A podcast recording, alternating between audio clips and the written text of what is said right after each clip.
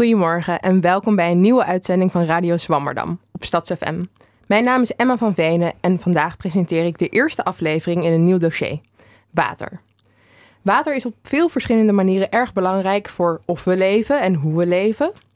Vandaag gaan we het vooral hebben over de vraag hoe het komt dat we tegelijkertijd te veel en te weinig water hebben en hoe we daar dan precies mee omgaan. Um, en hoe we dat vervolgens onderzoeken. Om ons hier dingen over te vertellen, zit er vandaag bij ons in de studio Ted Veldkamp, net gepromoveerd aan de VU en daar nu postdoc. En uh, Emiel van Loon, docent en onderzoeker aan de UvA. Emiel, um, je bent statisticus die gespecialiseerd is in de ecologie en dan vooral in het meten en modelleren van het gedrag van dieren. Doordat je werk vaak zo'n beetje praktische component heeft, werk je ook vaak samen met bedrijven en gemeentes. Um, hoe is het om ook best wel veel buiten de universiteit te werken? Uh, ontzettend leuk. Um, strikt genomen ben ik niet fysiek veel buiten de universiteit. Want ja, ik, het meeste werk wat ik doe is toch achter de computer. Maar ja, ik merk dat ik ten opzichte van veel collega's vaak in gesprek ben met mensen die veel weten van, van water of van die, uh, van die dieren waar ik dan geïnteresseerd in ben. En met name die kennis, die praktische kennis is interessant. Heel leuk. Onze andere gast van vandaag is Ted Veldkamp. Ted, je bent een paar weken geleden cum laude gepromoveerd op een onderzoek naar waterschaarste op mondiaal en regionaal niveau. Nog gefeliciteerd daarmee. Dankjewel. Um, en nu doe je een postdoc. Ga je verder met het onderzoek waar je ook uh, je promotie over deed? Ja, jazeker. Ik heb de afgelopen jaren mijn, voornamelijk, uh, uh, mijn onderzoek voornamelijk gericht op waterschaarste en hoe waterschaarste zich ontwikkelt uh, in het verleden en door de toekomst heen. Um, en wat factoren zijn die waterschaarste beïnvloeden. En ook daar ga ik de komende jaren verder mee aan de slag. En verder zit bij ons aan tafel onze nieuwe columnist Milan Teunissen van Manen. Het is je eerste keer vandaag, Milan. Heb je er zin in? Ja, heel veel zin in. Ja. Wat fijn. Ik ben heel erg benieuwd. En onze laatste tafelgenoot van vandaag is mijn co-presentator Afke Kok. Goedemorgen, Afke. Goedemorgen. Weet je eigenlijk hoeveel water jij gebruikt op een dag? Nou, toevallig ben ik afgelopen maand bezig geweest met het ontwikkelen van een tentoonstelling voor Nemo over water. Um, dus ik weet bijvoorbeeld dat je voor één kopje koffie 130 liter water nodig hebt voor de productie ervan. Dus um, nou ja, het is heel erg veel water. Dat is zeker echt heel erg veel water. Um, ons eerste gesprek vandaag is uh, met Emiel van Loon. Um, door je werk als statisticus werk je mee aan veel verschillende projecten. En vandaag gaan we het vooral met je hebben over de infrastructuur die we in Nederland hebben aangelegd om ons te beschermen tegen te veel water. Dit zijn bijvoorbeeld dijken en gemalen. Um, je hebt bijvoorbeeld aan een onderzoek meegewerkt dat het zoveel kijkt naar de dieren die de dijken ondermijnen door gangen in ze te graven, zoals de muskusrat. En ook een onderzoek over hoe de infrastructuur die wij aanleggen juist het leven van dieren wat moeilijker kan maken. Bijvoorbeeld door te zorgen dat ze niet meer goed van de ene plek naar de andere plek kunnen zwemmen. Um, laten we het eerst gaan hebben over de muskusrat. Daar hebben we een fragment voor.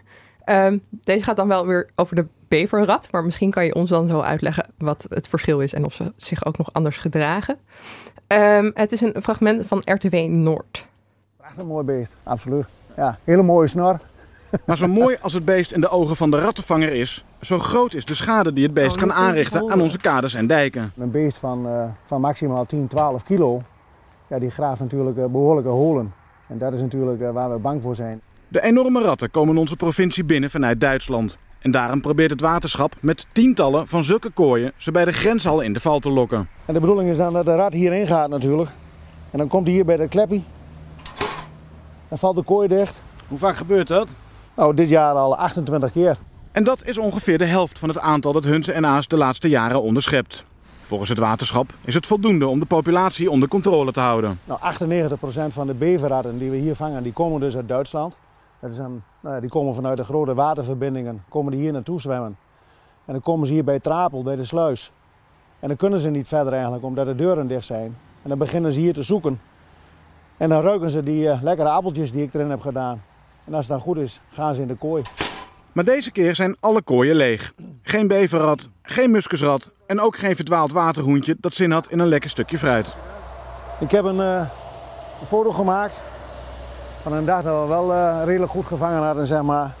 En dan zie je dus een, uh, een grote beverraad, een kleine beverraad en een nog kleinere muskusraad. En hoe komen ze uiteindelijk aan hun eind? Nou ja, als er dus op een gegeven moment een, een beverraad in de kooi zit, dan, uh, dan wordt die doodgeschoten. Zo snel en zo adequaat mogelijk. En het is natuurlijk doordat we nou ja, proberen de, de, de, de, de stand zo laag mogelijk te houden. Daardoor hoeven we natuurlijk ook minder beesten te doden. Als we het eerst laten uh, groeien totdat er heel veel beverraden komen, net als destijds met de muskusraden gebeurt, ja, dan wordt het natuurlijk uh, heel erg massaal. En dan moeten we ook meer dieren doden. Dit was een fragment van RTV Noord over uh, de beverrat. Wat is precies het verschil tussen de beverrat en de muskusrat? Behalve dat we in het fragment hoorden dat de beverrat veel groter is. De muskusrat is een ongelooflijk veel voorkomende soort in Nederland. En uh, een invasieve soort uh, uh, die al sinds ongeveer de Tweede Wereldoorlog in ons land voorkomt. En ontzettend in aantal is gegroeid. En nu in het hele land nog steeds wordt bestreden. En de, muske, de beverrat die komt alleen eigenlijk sporadisch voor nog. Hij komt wel steeds meer voor. En zoals dit fragment al vertelde, het land binnen beverrat is ongeveer nou, al drie, vier keer zo groot als de muskusrat. Maar qua gedrag, ze graven enorme gangenstelsels. Dat, dat gedrag is hetzelfde. Het zijn allebei territoriale dieren, het zijn allebei knaagdieren. Uh, een andere soort uit die groep is de bever. Die, en um, deze dieren komen dus niet oorspronkelijk uit Nederland. En wij proberen ze te vangen. Um, proberen bijvoorbeeld België en Duitsland proberen ze ook iets te doen aan deze dieren? Ja, in, in uh, gebieden waar uh, hoogwaterbescherming echt een belangrijk issue is, uh, en dat is ook zo in Vlaanderen, en sommige stukken van Duitsland, daar wordt gravende dieren worden daar ook gevangen en bestreden. Maar er zijn ook delen in Europa waar dat niet een probleem is. In andere delen van Duitsland met name, daar wordt hij dus niet bestreden. Dus het hangt heel sterk af van het, het, landschap en de waterdreiging. En waar, waarom zijn deze dieren precies een probleem?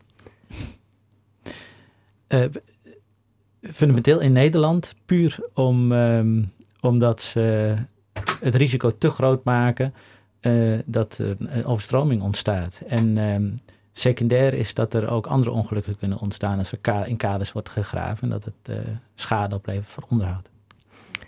Er is hier um, een paar jaar geleden of het afgelopen jaar een heel groot onderzoek naar gedaan, uh, waar je aan hebt meegewerkt. Kan je vertellen hoe dat onderzoek er ongeveer uitzag? Ja, het, het, um, de, om vast te stellen uh, in welke mate nu eigenlijk um, de, de, vangst zoals die in Nederland plaatsvindt uh, effectief is. En of die vangst nog effectiever kan van de muskusrat om die populatie uh, uh, terug te dringen. Is er een hele grote veldproef gedaan. Een gerandomiseerd experiment eigenlijk. In, verspreid over heel Nederland. Um, en daar zijn een aantal uurhokken. Dat zijn gebieden van 5 bij 5 kilometer. Daar is de vangst teruggebracht. En in andere uurhokken is die vangst uh, omhoog uh, gezet. Of de inspanning voor die vangst. En um, dat alles uh, keurig volgens een, een, een, statistisch ontwerp met, met randomisatie en herhalingen. Om zo vast te stellen uiteindelijk in welke mate ook proberen te modelleren hoe, hoe die populatie werkt. Maar voornamelijk om vast te stellen of die vangst effectief is. En verrassend genoeg bleek daaruit dat die effecten helemaal niet zo groot zijn. Um, er werd gedacht dat het uh, uh, met het reduceren of laten toenemen van de vangst met 30%, of de, eigenlijk de, de vangstinspanning met 30%, dat er een, uh, een groot effect zou zijn in die populatie. En uiteindelijk bleek dat de effecten er wel te zijn, maar veel subtieler en veel kleiner.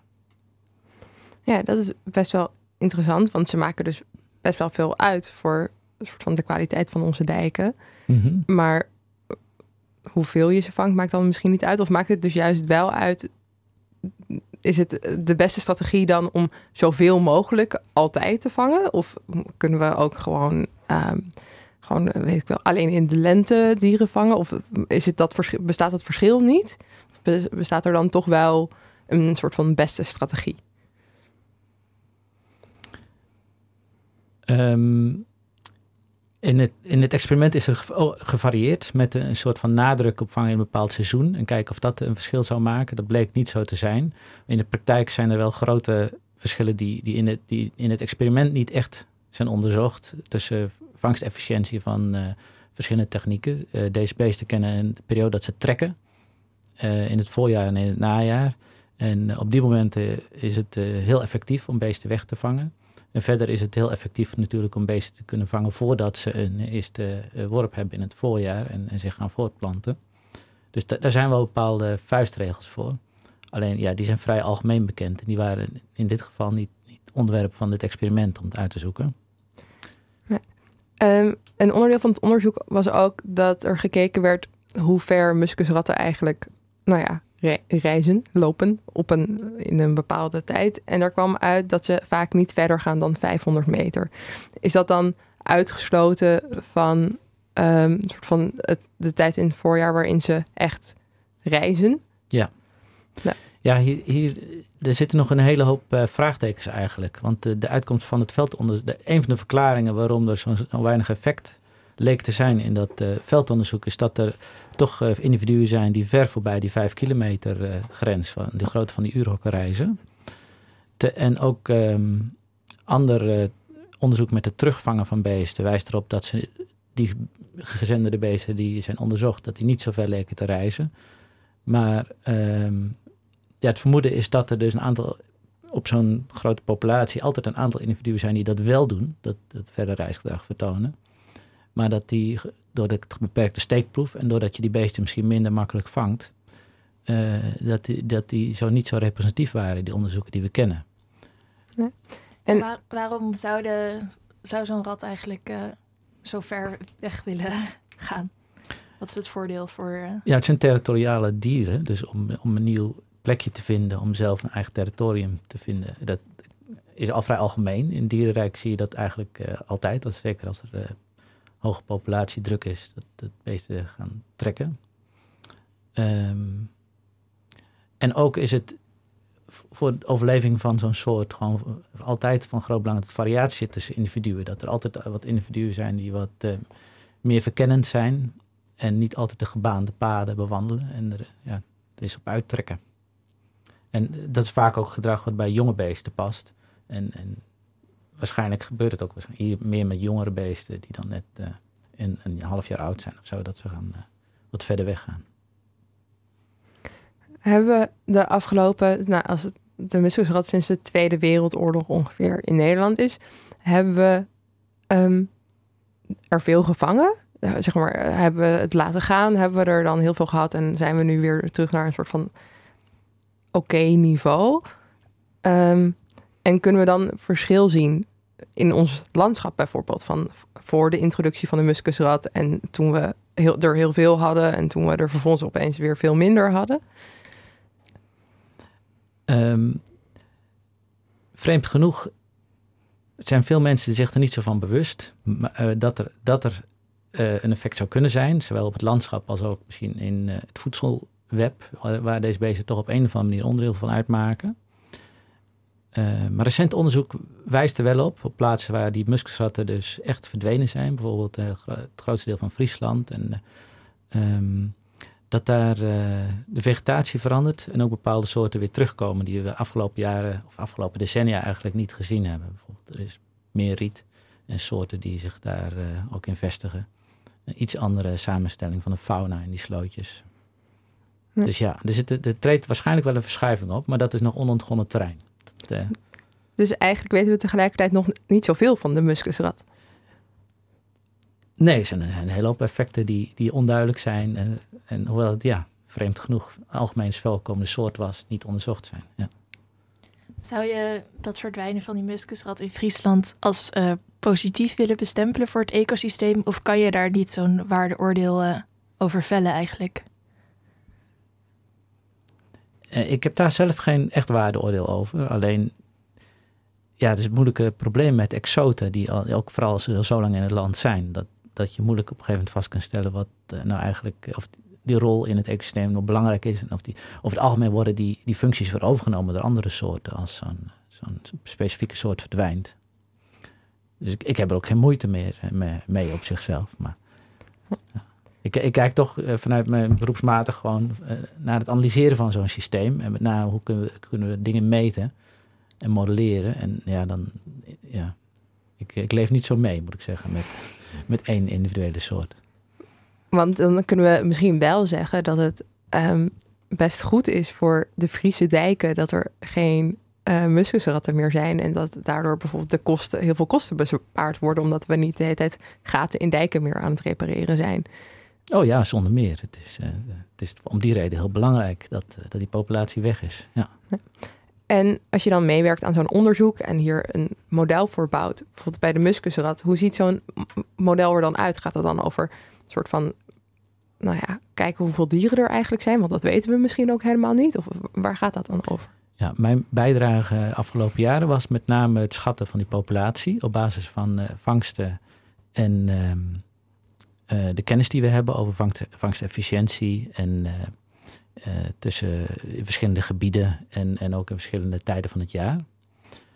Um, en um, op basis van die vangsten wordt die populatie dan geschat, maar er zit ook een soort van populatiedynamiek achter. Dus je kunt niet alleen de vangst van dit jaar gebruiken om de populatie van dit jaar te schatten, maar ook die van vorig jaar en het jaar daarvoor. Dus dat, die, die, voor, die dynamische interactie, die uh, heb ik daarin meegenomen met het schatten van die populatieomvang.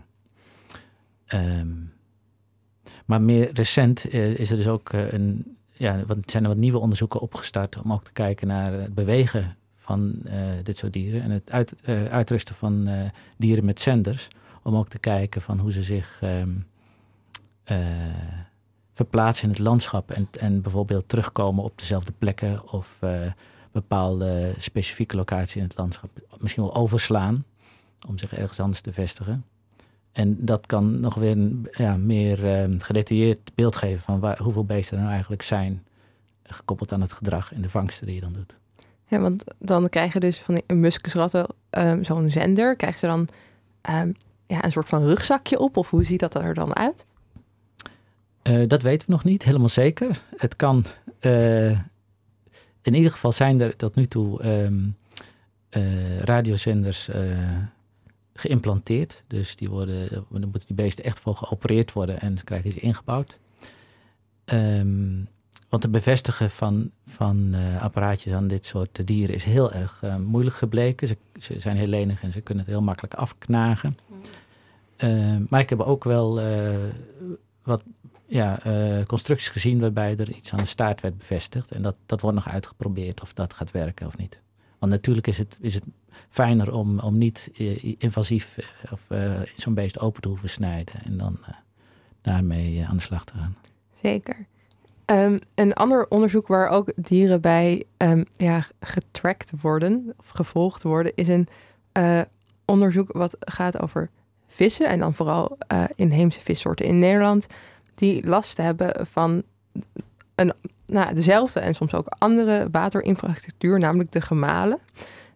Je hebt ook meegewerkt aan een onderzoek van het waterschap Friesland, als ik me niet vergis, over nou ja, de, deze vissen. En wat, kan je uitleggen wat het probleem was of is? Ja. Ja, nou het onderzoek, en er is een onderzoek wat op dit moment nog in volle gang is. En dat speelt zich met name af in, in um, Noord- en Zuid-Holland. Uh, van een, uh, een PhD-student uh, bij ons instituut, Rob Kroes. Die um, kijkt met vooral in eerste instantie naar het Markermeer. Maar er zijn dus een hele hoop soorten die daar verdwenen zijn. En die uh, voor, in, voor hun, in hun levensloop, net zoals de paling, die het meest bekend is, migreren van zoetwater naar zoutwater en omgekeerd. En die vissen zijn, dus, worden ontzettend belemmerd in, door allerlei van deze sluizen en stuurtjes die we hebben aangelegd. En die, veel van die sluizen en stuurtjes zijn inmiddels uitgerust met passages, mogelijkheden voor de vissen om er langs te komen. Maar het is nog lang niet duidelijk hoe efficiënt die passages dan zijn. En het is ook niet duidelijk of wel, ja, welk deel van die vissen dan precies migreert en wanneer. En, en hoe dat, dat als het belemmerd wordt, hoe groot die belemmering is. En de populatie misschien ook klein houdt. Of het bemoeilijkt dat, dat het weer um, op het niveau komt dat we willen. Dus we e- weten eigenlijk verrassend weinig over onze eigen vissen en waarom ze er niet meer zijn. Ja, wat, wat die, wat die eh, eh, zoetwatersoorten betreft, zijn er een hele hoop soorten waar heel weinig over bekend is. Dat, zoveel is wel duidelijk. Ja. Ze zijn ook overigens allemaal allemaal niet zo heel makkelijk om dit soort vissen, omdat ze ook vaak niet zo groot zijn, omdat er niet zoveel mee voorkomen, om dan te gaan volgen met eh, de geëigende apparatuur. Ga je die dan ook eh, opensnijden en er een radiozender in stoppen? Of, ja, ik niet, maar mensen die dat mogen en kunnen wel. Nou, ja, bij vissen is het al, eigenlijk altijd invasief, dit soort kleine vissen. Dus die, die krijgen een heel klein eh, pilletje. En dat is dan een, eh, hetzelfde type RFID-tag, hetzelfde wat er in een OV-chipkaart zit, zeg maar. Dat soort zoiets. Zo'n soort. Soms is dat, eh, ja, het geeft dan alleen maar een, een code af van ik ben hier op deze plek geweest. En soms zit er ook een akoestisch eh, systeem aan vast. Dat er akoestisch wordt vastgesteld via geluidsgolven of, eh, en waar zo'n zo'n vis dan is. Dus we kunnen ons bijvoorbeeld voorstellen ehm, dat je- nou, je hebt van die obstakels in het water voor vissen, zoals een sluis. En als je dan wilt testen of die kleinere vissen wel voorbij de sluis komen, dan heb je een OV-chipkaartpoortje aan de ene kant van de sluis en aan de andere kant van de sluis. En als de vis dan van de ene kant inzwemt, dan komt er een signaal met zeg maar deze vis is nu is dit gepasseerd. Ja. En dan kan je vervolgens zou je kunnen kijken of dezelfde vis ook het tweede poortje passeert. Is dat dan een soort van het doel om te kijken hoeveel van die vissen dan precies de andere kant van de sluis halen? En hoeveel tijd ze erover doen, bijvoorbeeld. En eh, eh, ook, ook over grotere afstand, hoe, hoe ze weer verder komen. En met welke factoren dat samen zou kunnen hangen. Wat ehm, kunnen we leren over het gedrag van dieren op basis van dit soort volgsystemen? Het, ik weet dat dat een hele grote vraag is, Mm. maar Ehm, we kunnen ehm, op lange termijn en, en met, eh, wa- wanneer ze eh, dit soort gegevens geanalyseerd worden in de juiste context, eh, dingen leren over het geheugen. Dus over ehm, hoe, hoe eh, beesten weten wat ze eerder hebben gedaan en hoe lang ze vooruit denken of terugdenken. We kunnen veel leren over, eh, eigenlijk niet over gedrag, maar over een fysiologie. Over wat voor, voor voedsel ze bijvoorbeeld zoeken en waar ze dat zoeken. Ehm, dus er zijn vaak wel algemene ideeën over of beschrijvingen, maar het kan veel specifieker worden uitgezocht waar die eh, individu individuen geweest zijn en eh, wat ze precies hebben gedaan. Dus de, eh, tijdsbudgetten, dat is het eerste eigenlijk wat je gaat maken met dit soort gegevens. En op basis daarvan kom je verder met fysiologie en met ehm, eh, herhaald gedrag. Als je veel over een, eh, een soort weet, dan kun je daar wel een iets uitgebreider model van maken en dat model steeds verder gaan invullen. Eh, en dan wordt ook duidelijk wat de variatie tussen individuen is. En dan kun je met name het feit dat er zoveel variatie is tussen individuen ook beter gaan begrijpen. En in ofwel een evolutionaire context of een ecologische context weten waarom dat dan zo is. Want dat er veel variatie is tussen individuen, dat is eigenlijk, dat blijkt steeds weer bij al deze trackingstudies. Ja, dus het werkt eigenlijk twee kanten op. Door te tracken leren we dingen over de dieren. Ehm, en wat we leren over dieren kunnen we vervolgens ook weer in die modellen stoppen. Om ze vervolgens nog beter te begrijpen. Oh, zonder meer. Ja, dat is een continue cyclus. En het is de kunst om die ook snel en vaak te doorlopen. En kritisch te blijven, opdat je niet in een soort van tunnelvisie geraakt. En dat je wel steeds teruggrijpt naar die echte data. En dingen blijft toetsen. Dat is, ja. Het risico van dit, dit soort onderzoek is vaak dat je heel veel vrije, vrijheidsgraad hebt, heel veel keuzes.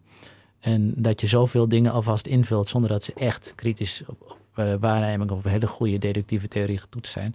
Dat je eh, ja, zeg maar voor meer dan de helft je, je model of je idee van hoe het systeem werkt verzonnen is. En dat past dan op de andere helft, zonder dat je het echt hebt getoetst. Je bent dan meer aan het, het beschrijven, aan het eh, fitten van de werkelijkheid, dan dat je ehm, kritisch eh, je idee hebt gevalideerd. Dus het is de kunst om, om een soort van extra experimenten of extra waarnemingen die, die wat je hebt bedacht eerst al nog eens een keer goed eh, tegen het licht houdt. Maar dan is het dus eigenlijk heel erg moeilijk om als ja, bijna wiskundige statisticus echt hele go- goede modellen te bouwen. Want heel veel van wat wij nou ja, denken over dieren is misschien nog helemaal niet in die mate bewezen dat we dat echt daarin kunnen zetten. Hou je dan niet de hele tijd maar een soort van hele algemene modellen over? Ehm,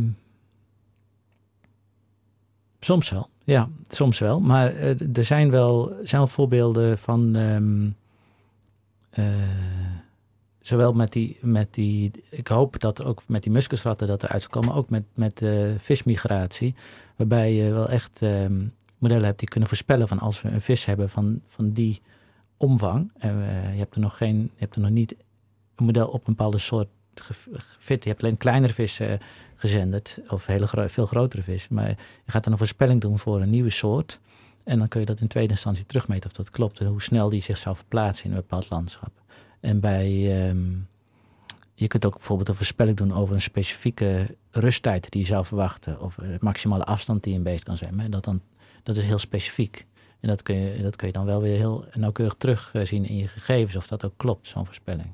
Dus het is de kunst vaak om, om de kritische uh, maten te bedenken die, die je kunt koppelen aan de metingen en die je model dan ook als belangrijke toestandsvariabelen kennen. Um, dus ik denk wel dat er ook wel wat concrete en specifieke modellen te verzinnen zijn. Zeker, dat, ja. dat denk ik ook. Ik hoop dat we straks nog genoeg tijd over hebben om het met z'n allen nog even te hebben over het verschil tussen het modelleren van het gedrag van dieren en het gedrag van mensen. Maar okay. eerst is het nu tijd uh, voor de column van Milan. En Milan, wil je er nog iets over vertellen voordat je begint? Of wil je gewoon beginnen? Um, nee, ik wil er wel wat over kwijt. Um, ik heb besloten voor uh, deze, en dat zal ook wel terugkomen, denk ik, uh, om een, mijn stem te lenen aan dingen die eigenlijk geen stem hebben. En deze keer is dat dus water. En ik ga dus proberen vanuit het water zelf uh, iets te zeggen. Nou, ga je gang. Oké. Okay. ik, ik zit werkelijk overal. Ik zit op zoveel plekken dat ik het soms zelf vergeet. Ik zit in cellen, in rivieren, in ijsbergen, in leidingen, in wolken, tussen de hoekjes en kieren van het mos, waardoor het bos zo lekker ruikt. En zelfs tussen de vezels van het behang in een slecht geïsoleerd mensenhuis. Maar ik zit vooral ook veel in mengsels, soepen, sauzen, bier, limo, verf, poep, plas, klei, slip, met zout, zonder zout, in heksenbrouwsels, met algen, met cyanobacteriën, ja, noem maar. Ja, en door die mengsels krijg ik allerlei andere eigenschappen. Je vindt mij stinkend, zuur, zout, basisch, aromatisch, fris, roze, knalgeel, gifgroen, diepbruin en wit. Ja, eigenlijk alle, alle, alle kleuren van de regenboog. En ook als ik in mijn eentje ben en ik in de juiste vorm en in het juiste licht hang, zelfs dan zie je dat ik eigenlijk altijd alle kleuren van de regenboog ben. Soms ben ik stromend en soms stagneer ik. Maar ja, kabbelen, dat is misschien wel mijn favoriet. Beetje de toeristische route nemen door het landschap. Voelt als vakantie. Al is als torenhoge golven tegen de rotswand slaan toch ook zo bevredigend. Oh, lekker stoeien met de aarde. Even de oerkracht hervoelen. Wild word ik daarvan. Als een huiskat die opeens het instinct deelt dat hij deelt met zijn grotere neven op boren en de gordijnen er opeens extra lekker uitzien. Ja, het is fijn om water te zijn. Je bent belangrijk, dat weet je. Dat zie je. Soms wordt het ook erkend. Bijvoorbeeld wanneer je planten weer zo groeien. Wanneer, nee.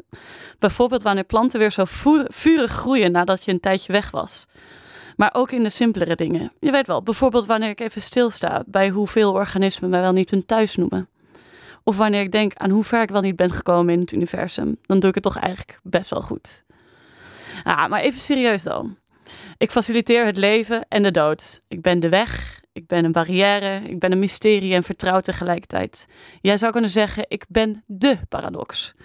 Onvermoeibaar in een cyclische beweging sinds het begin faciliteer ik de epos van het leven. Damn, iemand zou een film over mij moeten maken. Dankjewel. Ja, ik denk dat dat ook precies gaat waar dit nieuwe dossier hopelijk uh, over gaat. De tegenstrijdigheden van water. Um, ja, we hebben net met Emiel van Loon gesproken over de infrastructuur die wij vooral bouwen voor, uh, om ons te beschermen tegen hoge water en hoe die um, soms positief en soms negatief is voor dieren. Um, onze tweede gast van vandaag is Ted Veldkamp, um, postdoc bij het Instituut van Klimaatwetenschap aan de VU en ook docent. je bent een paar weken geleden gepromoveerd op een onderzoek naar waterschaarste op mondiaal en regionaal niveau. Waterschaarste lijkt steeds vaker voor te komen. Um, de afgelopen weken was, het, uh, was er een serieus watertekort in Kaapstad. En dat was ook af en toe in het nieuws. Uh, naar aanleiding daarvan maakte de NOS een filmpje. Uh, daar gaan we nu naar luisteren. Drinken, koken, afwassen. Vanaf het moment dat je wakker wordt totdat je weer gaat slapen, gebruik je er zo'n 120 liter van. Water. Maar het is wereldwijd lang niet voor iedereen vanzelfsprekend dat het zo rijkelijk vloeit. Sterker nog, van sommige plekken wordt voorspeld dat de laatste druppel binnenkort uit de kraan komt. Wat is er aan de hand? Het oppervlak van de wereld bestaat voor ruim 70% uit water. Van de totale hoeveelheid water is maar 2,5% zoet, te drinken dus. Een deel daarvan kunnen we gebruiken doordat het in meren, rivieren en ondergrondse reservoirs zit. Maar ook een groot deel zit vast, bevroren in ijskappen. Je kunt dus wel stellen dat het schaars is. Inderdaad, wereldwijd leven 4 miljard mensen in gebieden die minimaal een maand per jaar te maken hebben met ernstige waterschaarste. Dat wil zeggen dat er meer water wordt ontrokken aan rivieren, meren en het grondwater dan dat er wordt aangevuld. Vooral watersystemen in snel groeiende grote steden kunnen de vraag vaak niet bijbenen. En tel maar op dat we het grootste gedeelte van het zoete water gebruiken voor landbouw. Er moet wel iets gebeuren, want de wereldbevolking blijft maar groeien. In 2050 zijn we volgens de VN met 9 miljard mensen. En die hebben allemaal water nodig, direct of indirect. En als er van iets weinig is, liggen conflicten op de loer. Daarom waarschuwen sommige experts nu al voor honger, oorlog en vluchtelingen als een indirect gevolg van watertekort. Moeten we niet willen, toch? Ja, um, Ted, wat, wat vind je van dit fragment? Klopt het wat ze vertellen? Uh, jazeker, of tenminste voor grote mate in ieder geval. Um, er is inderdaad heel veel aandacht geweest de afgelopen weken over het, uh, nou, de waterproblematiek in, in Zuid-Afrika. Zuid-Afrika is overigens niet het enige land waar, waar deze problemen op dit moment spelen. wat we zien in de wereld is, alhoewel er een heleboel water is, in principe in de wereld, in vaste en in vloeibare vorm, kunnen we niet overal bij. Dat legt het fragment heel mooi uit.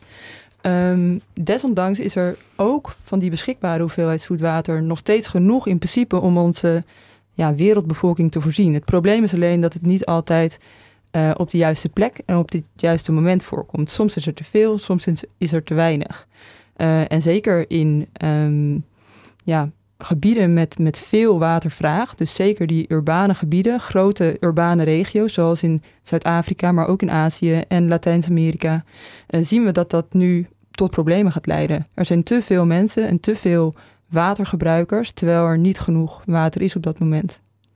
Ja, en over dit gaat onder andere je onderzoek, maar daarvoor is het misschien belangrijk om even uit te leggen wat het verschil is tussen droogte en schaarste. kan je dat voor ons doen? Ja, dat, is, uh, dat probeer ik altijd bij iedereen aan de man te brengen. Um, waterschaarste is eigenlijk een, een economisch probleem. We hebben het dan over ja, de vraag en aanbod van water. Op het moment dat er um, ja, we hebben een, een, hoeveelheid water die beschikbaar is in een gebied. En we hebben gebruikers van dat water. En op het moment dat er te veel vraag voor watergebruik is, uh, in vergelijking met dat aanbod, dan spreken we van waterschaarste. En dat kan uh, een periode in de tijd plaatsvinden of structureel. Um, en dat verschilt van gebied tot gebied. Droogte aan de andere kant is een natuurlijk fenomeen. Um, we hebben het dan over um, relatief weinig water ten opzichte van een langjarig gemiddeld bijvoorbeeld. en droogte vindt overal plaats, ongeacht of er gebruikers zijn of niet. je kunt gebruikers dan natuurlijk, daar kun je wat discussie over voeren. Natuur is ook een gebruiker van water. Um, maar als we kijken naar het verschil tussen waterschaarste en droogte, dan, dan ja, focust waterschaarste zich eigenlijk op die gebieden met veel economische activiteit en veel mensen. Ja, en uh, om dit te onderzoeken, um, bouw je hydrologische modellen, onder andere. Wat zijn deze modellen? Wat zit daarin en wat kan je daarmee doen? Ja, deze modellen, dat zijn modellen waarin we eigenlijk de, de stroming van het water uh, zoals net al in het column heel mooi werd uh, verwoord, waarin we dat proberen te modelleren, waarin we dat proberen te uh, beschrijven. En we proberen dat beschrijven op een wiskundige manier. En zoals Emiel net ook al schetste, heb je daarvoor data nodig. Je moet om zo'n model te bouwen en om, om zo'n model, um, ja, om, om dat als min of meer waarheid te kunnen aannemen, heb je voldoende data nodig om, om die modellen te valideren. Dus op basis van historische gegevens van rivier, afstromingen ehm, ehm, en ook neerslag, temperatuur, bouwen we zo'n model op en proberen we eigenlijk de loop van het water door het hele systeem van neerslag tot verdamping, tot grondwaterstromingen en uiteindelijk tot die rivier afvoeren en uh, het, water in meren en, ja, het water in meren en reservoirs, proberen we te modelleren. Zodat we dan daarmee iets kunnen zeggen, eventueel over de toekomst, over wat de impact van mensen is um, op dat systeem en wat de gevolgen daarvan kunnen zijn. En dan um, kijken jullie in deze modellen vooral naar zoetwater of kijken jullie ook naar zoutwater? Nee, we kijken in deze modellen voornamelijk naar zoetwater. Um, zoetwater is al complex genoeg. We kijken niet eens naar al het zoete water in deze modellen. Um, ik moet daarbij zeggen dat wij hebben een model, maar er zijn een heleboel groepen die dit soort modellen maken. En om uh, tot goede schattingen te komen, maken we ook eigenlijk altijd gebruik van een heleboel van die modellen tegelijk. Zodat we eigenlijk een soort onder- en bovengrens hebben. En ook met een redelijke mate van zekerheid kunnen zeggen dat als we veranderingen voorspellen, als gevolg van klimaatverandering bijvoorbeeld, dat, dat, nou, dat een x aantal modellen dat ondersteunen.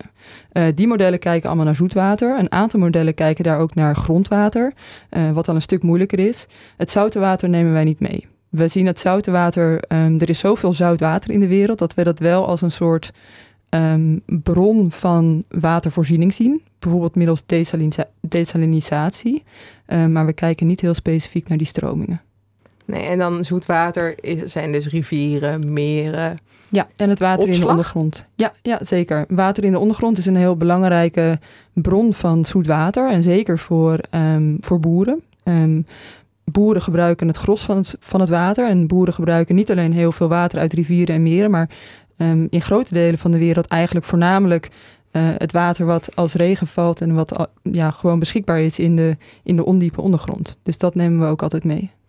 En als jullie dan bijvoorbeeld klimaatverandering, wat nou ja, tegenwoordig toch wel iets is waar we graag meer over willen weten en over de invloed daarvan. Als jullie klimaatverandering in zo'n model stoppen, um, hoe doe je dat dan? Zeg maar, weet je dan, jullie weten ook niet wat het precies gaat doen, neem ik aan. Nee, ook om die onzekerheden mee te nemen, nemen ja, maken we vaak gebruik van enerzijds meerdere klimaatmodellen. Dus we nemen altijd een, ja, een meervoud van klimaatmodellen mee. En dan runnen we klimaatscenario's. Um, ja, we hebben het heel vaak over de 1,5 graden uh, verwarmingsscenario's bijvoorbeeld. Die nemen we mee. Maar niet alleen die. We nemen ook extremere scenario's mee. En minder extreme scenario's. Om te kijken wat nou ja, die set van klimaatmodellen, ingevoerd in die set van hydrologische modellen, dan zegt over nou ja, de mogelijke toekomstige uh, omstandigheden van het water. Ja, dus op deze manier een soort uh, kijkje in de toekomst, wellicht. Uh, ben je optimistisch of pessimistisch? Um, nou ja, optimistisch, pessimistisch. Er is een hoop onzeker. Um, en um, als ik kijk naar die modellen en hoe die zich bewegen, dan zien we dat er niet alleen maar sprake is van een afnemende waterbeschikbaarheid. Er, is ook, zijn ook een heleboel uh, regio's in de wereld waar de waterbeschikbaarheid aan zich toeneemt. Het probleem is alleen dat uh, de socio-economische ontwikkelingen nog veel harder toenemen. En dat um, de watervraag nog veel groter wordt. Uh, dat is een goed en een slecht teken. Um, het goede teken is, is dat er aan zich genoeg water is. Um, en het feit dat die socio-economische ontwikkelingen zo dominant zijn, laat ook zien dat, um, dat we er eigenlijk best veel aan kunnen doen. Dus als we die socio-economische ontwikkelingen onder controle krijgen en ook in de goede manier sturen, dan kunnen we eigenlijk best wel veel van. We kunnen een stuk efficiënter worden in ons watergebruik. Um, en daarmee kunnen we dan best een groot deel van die verwachte toename in waterschaarste ja, oplossen eigenlijk. Ja, dat is wel een voorzichtig optimisme. Het zou ook goed kunnen komen. ja, want jullie stoppen dus ook een soort van watermanagementstrategieën um, in deze modellen. Um, en dan gaat het voornamelijk over, zeg maar, die economische variant. Gaat over vraag en aanbod. Hoeveel mensen willen er water? Hoeveel water, uh, boeren hebben water nodig? Dat soort um, vragen. En daar zijn dan verschillende strategieën voor. Wat, wat voor strategieën precies? Hoe laat je dan soort van wat stop je in je model als idee hoe je mensen minder naar water laat vragen, bijvoorbeeld? Ja. Nou ja, als je het over die adaptaties, adapta adaptatiestrategieën noemen, die uh, dat soort maatregelen hebt, dan verschilt dat natuurlijk heel erg van, van regio tot regio. Als je een, uh, een kleine regio in uh, ruraal gebied uh, onderzoekt, dan, dan, dan gaat het over hele andere maatregelen die je zou kunnen nemen dan een regio in urbaan gebied, in, in stedelijke omgeving. Ehm, over het algemeen maken we een onderscheid tussen een, een paar type maatregelen. Ehm, er zijn maatregelen die de watervraag vergroten, zoals opslag. Dat kan ondergronds of op kleine schaal of met hele grote reservoirs. Ehm, er zijn maatregelen die de watervraag verminderen. Dus ehm, dat kan bewustwording zijn, zoals ze bijvoorbeeld ook in, in Zuid-Afrika hebben geprobeerd. Daar hebben ze geprobeerd aan te kondigen van, ja jongens, het, het wordt echt problematisch. gebruik wat minder. dat kan efficiëntie zijn, dus meer meer technologische ontwikkelingen die leiden tot een, een, een hogere efficiëntie van watergebruik. Um, maar dat kunnen ook belastingen zijn. Mensen proberen te dwingen door ja, minder water te gebruiken, door uh, belastingen door te voeren, door subsidies uh, um, ja, uit, te, uit te geven. Um, of door daadwerkelijk te zeggen: stop ermee, je mag geen water meer gebruiken. Nou, dat proberen we nu in die modellen te vangen, uh, in die hydrologische modellen. We proberen die hydrologische modellen eigenlijk uit te breiden met een uh, menselijke en economische component. En daarbij proberen we niet alleen maar te kijken naar um, wat is nu economisch optimaal. Want dat kunnen we best verzinnen. Wat economisch de beste um, of voor het milieu de beste uitkomsten zouden zijn. Maar wat we daar nu aan proberen toe te voegen, en dat is een, een PhD uit ons instituut, uh, Marten Wens, en die probeert daar nu gedrag aan toe te voegen. Dus um, mensen zijn niet rationeel en mensen handelen vaak anders dan dat wij ideaal voor ons zouden zien. En, en die, um, die beperkingen eigenlijk proberen we nu in die modellen um, ja, aan die modellen toe te voegen om nog beter een inschatting te kunnen maken van hoe mensen handelen onder ja, waterproblematiek. Ja, Emiel, heb jij daar nog ideeën van? Want je modelleert dus regelmatig matig het gedrag of de beweging van dieren. Um, en gaan we bijvoorbeeld bij dieren er wel van uit dat ze rationeel zijn? Of doen we dat eigenlijk niet?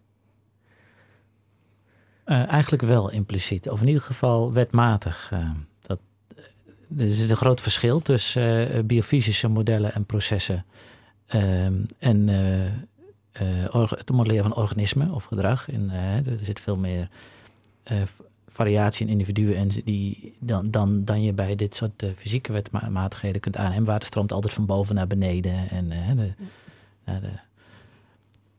maar dat bij dieren zetten, eh, als je naar de hele groep kijkt, dan blijken er toch ook wel echt wetmatigheden te zijn, ecologische wetmatigheden. Eh, of evolutionaire wetmatigheden, zo je wilt, die als je maar naar een grote groep kijkt, wel opgaan.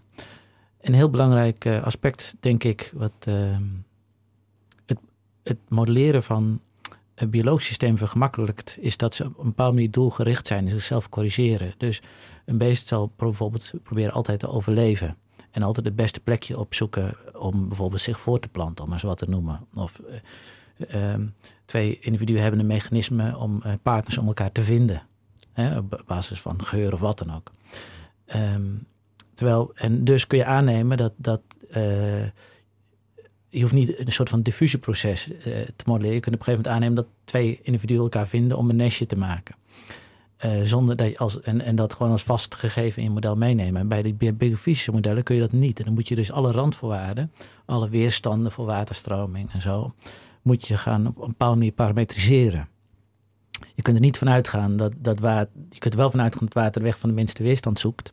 Maar dan moet je wel het landschap van al die weerstanden expliciet in je model stoppen. Dus daar zit wel een, uh, ja, echt wel een uitdaging voor die biofysische modellering. En, en hoewel ik het niet zou denken, is dat biofysische modelleren vaak moeilijker dan uh, en die biologische processen om die reden.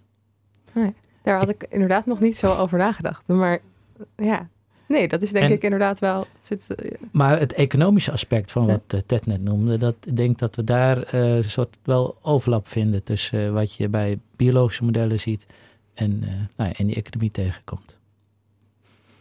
Ja, want um, nou ja, we hebben dus deze modellen en daar kunnen we van alles mee en proberen te voorspellen. Um, wat is dan precies het doel van deze modellen? Um, nou, dat, dat doel is uh, meerledig. Um, enerzijds proberen we met dit soort modellen, uh, nou allereerst proberen we met dit soort modellen de, de huidige stand van zaken goed in kaart te brengen. We, alhoewel we het heel vaak hebben over klimaatverandering, toekomstige ontwikkelingen, um, zijn we nog steeds niet altijd even goed in het, in het goed begrijpen en het goed doorgronden van de huidige situaties. En dat is cruciaal om naar de toekomst te kijken. Dus dat is, dat is het eerste. En dan kunnen we vaak een, een onderscheid maken tussen korte en lange termijn um, adaptatie en uh, planning. Dus dit soort modellen worden vaak gebruikt voor de lange termijn om bijvoorbeeld te dienen in, um, in de onderhandelingen. Als we het hebben over die 1,5 graden onderhandelingen en de IPCC die daar een heel rapport van, van, van doorgerekend wil hebben, dan gebruiken we dit soort modellen dus om uh, te laten zien hoeveel beter um, het is om naar 1,5 graden uh, klimaatverandering te steven in plaats van hogere temperaturen. Um, op de korte termijn gebruiken we uh, dit soort modellen om inderdaad te laten zien voor specifieke regio's wat de beste uh, maatregelen zijn om door te voeren om ja, om te gaan met waterschaarste. En um, hoe zit het in Nederland met waterschaarste? He hebben we dat? Zeker. Dat, dat gelooft meestal, uh, geloven niet veel mensen, maar ook in Nederland hebben we zeker te maken met waterschaarste. En zeker als je het vanuit het economische uh, perspectief bekijkt. Um, ook hebben we te maken met droogtes in Nederland. We beschouwen onszelf natuurlijk altijd als erg nat. Um, maar we zijn ook gaan wennen aan die relatief natte condities. En onze infrastructuur en onze watervraag en onze economische activiteiten, die, die zijn eigenlijk gepeild op een bepaalde uh, op een bepaald niveau van waterbeschikbaarheid. Dus als er op een moment uh, relatief minder water beschikbaar is, zoals in 2003 of in 2011, um, ja, dan hebben we ook in Nederland wel te maken met problemen die kunnen, kunnen ontstaan als gevolg van die tekorten. Um, ja, we, zijn, we wonen in Nederland en Nederland is een relatief ontwikkeld nou, het is een ontwikkeld land, um, dus we kunnen altijd omgaan met die tekorten, maar het kost wel geld. Dus het kost geld ten opzichte van de ja, de long-term mean uh, condities. En dan, dan spreken we inderdaad van waterschaarste. Uh, en bijvoorbeeld in 2011, ik, ik heb helemaal niks gemerkt hoor, dat we te, te, te weinig water zouden hebben. Merkt in het algemeen gesproken, merken gewoon mensen, burgers iets van waterschaarste, behalve misschien zoals nu in Kaapstad. Maar verder? Nou, dat, dat kunnen hele genuanceerde dingen zijn. Dat hoeft, je hoeft dat niet altijd direct uh, te merken dat er bijvoorbeeld geen water meer uit de kraan komt. Maar um, waar het voornamelijk om gaat is uh, bijvoorbeeld het prijspeil van producten. Um, ik denk dat dat 2003 was of 2006. Toen waren er heel veel droogtes in Rusland bijvoorbeeld. Um, en die droogtes in Rusland die zorgden ervoor ja, dat het graan daar heel slecht groeide. En als gevolg daarvan hadden wij in Nederland uh, hogere prijzen voor ons brood bijvoorbeeld. Uh, nou ja, dat soort effecten uh, uh, kunnen we wel tegenkomen als gevolg van droogte en waterschaarste in de wereld. En dan zie je ook dat dat niet altijd in je eigen land hoeft voor te komen om um, daar wel de negatieve consequenties van te voelen. Ja, en um, als ik daar aan toe mag voegen, weet je niet meer dat er op een gegeven moment nauwelijks meer gevaren kon worden in de Maas. Ja. En dat ze stuurtjes, dus voor een deel het transporteffect zijn bepaalde sectoren die er last van hebben. Ja. En dat ze zout water gaan oppompen in uh, kassengebieden waar, uh, waar echt bewaterd wordt. Dat er een soort van probleem ontstaat met uh, het water uit het IJsselmeer. Dat het verzilting dus oplevert. Nee, ik kan... vissen nee. en zo daar dan ook nog last van? ja, ja. Ja, ja, zeker. Ja. ja. het ecosysteem heeft ons te lijden. Dus dat er zout water ingelaten moet worden. Dus de, en en mensen die met name dus veel water gebruiken, bedrijf, maar vooral de, de tuinbouw, die, die heeft echt last. Dus het ja. zijn, er zijn niet zoveel zozeer de burgers, die voelen het later pas in de portemonnee. Maar het zijn bepaalde sectoren die er dan onder te lijden hebben.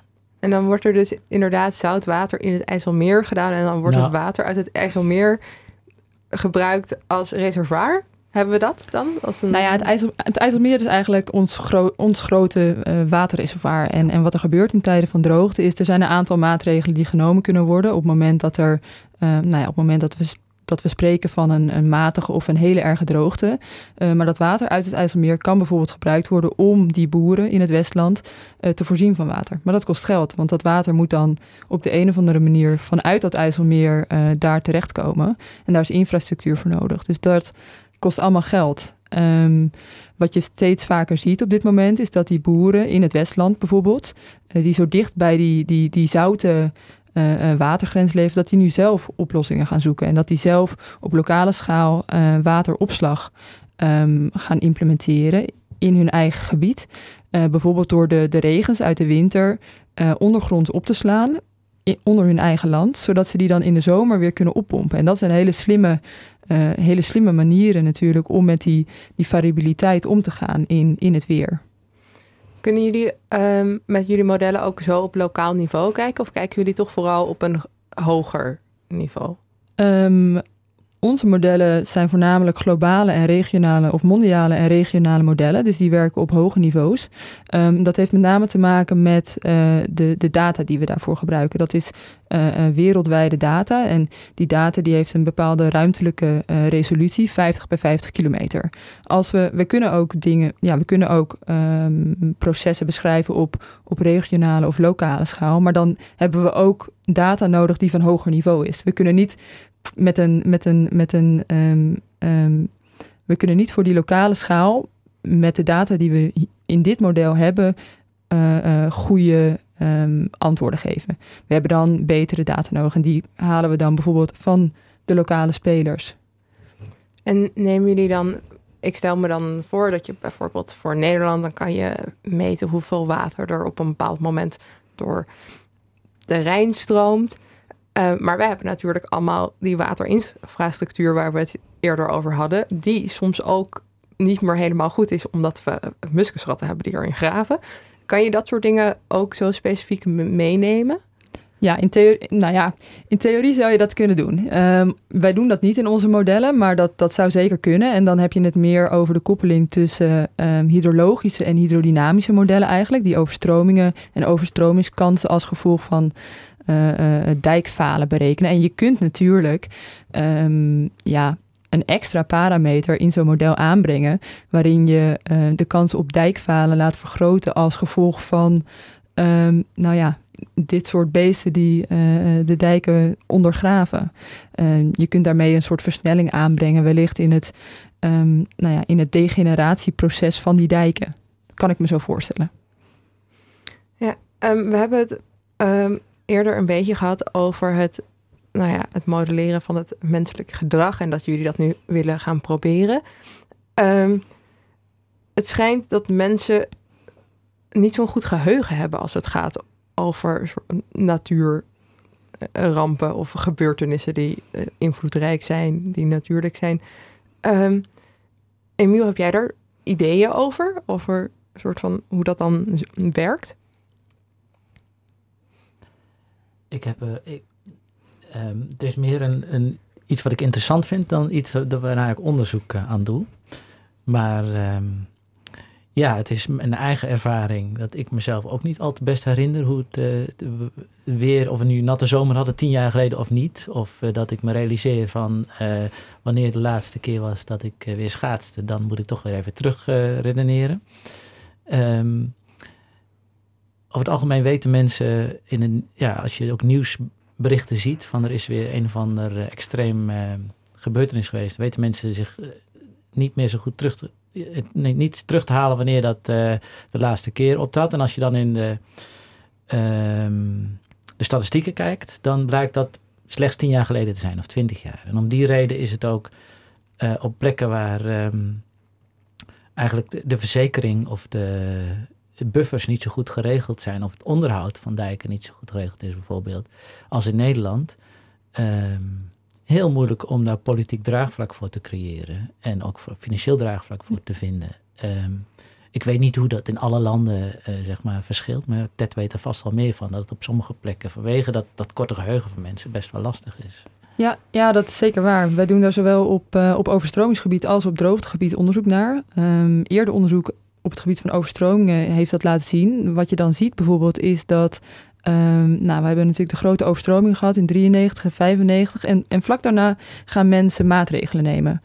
Um, maar ja, dan is die overstroming net geweest. Dan, dan hebben die maatregelen aan zich misschien niet zo heel veel, heel, ja, heel veel zin. Maar omdat die overstroming dan nog zo vers in het geheugen zit, zijn mensen heel erg bereid om, om activiteiten te ondernemen om hun risico te verkleinen. Um, maar je ziet ook dat dat in de jaren daar, daarna eigenlijk, ja, eigenlijk wegveet. Dus binnen drie jaar zijn mensen eigenlijk al bijna niet meer bereid om, om maatregelen te nemen om de risico's die zij hebben van hydrologische extremen, dus droogte of overstromingen, om die te verkleinen. En dat maakt het heel lastig als je het hebt over politieke uh, cycli van vier, van vier jaar, um, waarin je uh, beleid wil voeren.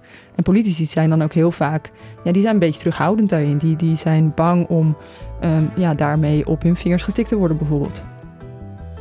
Ja, ja iets waar ik even in wil haken, wat jij noemt, is dat. Um, Um, het kan best wel eens economisch rationeel gedrag zijn om de dingen die verder in terug uh, in de tijd speel, speelden, om die te verdisconteren, of die straks misschien pas een risico gaan vormen in de toekomst, die naar beneden toe te, uh, te verdisconteren. En alleen het hier en nu uh, heel zwaar te laten meewegen. Um, en dat is denk ik wel, nog wel subtiel wat anders dan puur het geheugen wat mensen hebben. Maar dat, is, dat heeft te maken met risico leidend of risiconemend gedrag. Um, iets wat er nog dwars doorheen speelt, is dat mensen heel vaak patronen zien in wat feitelijk um, random processen zijn.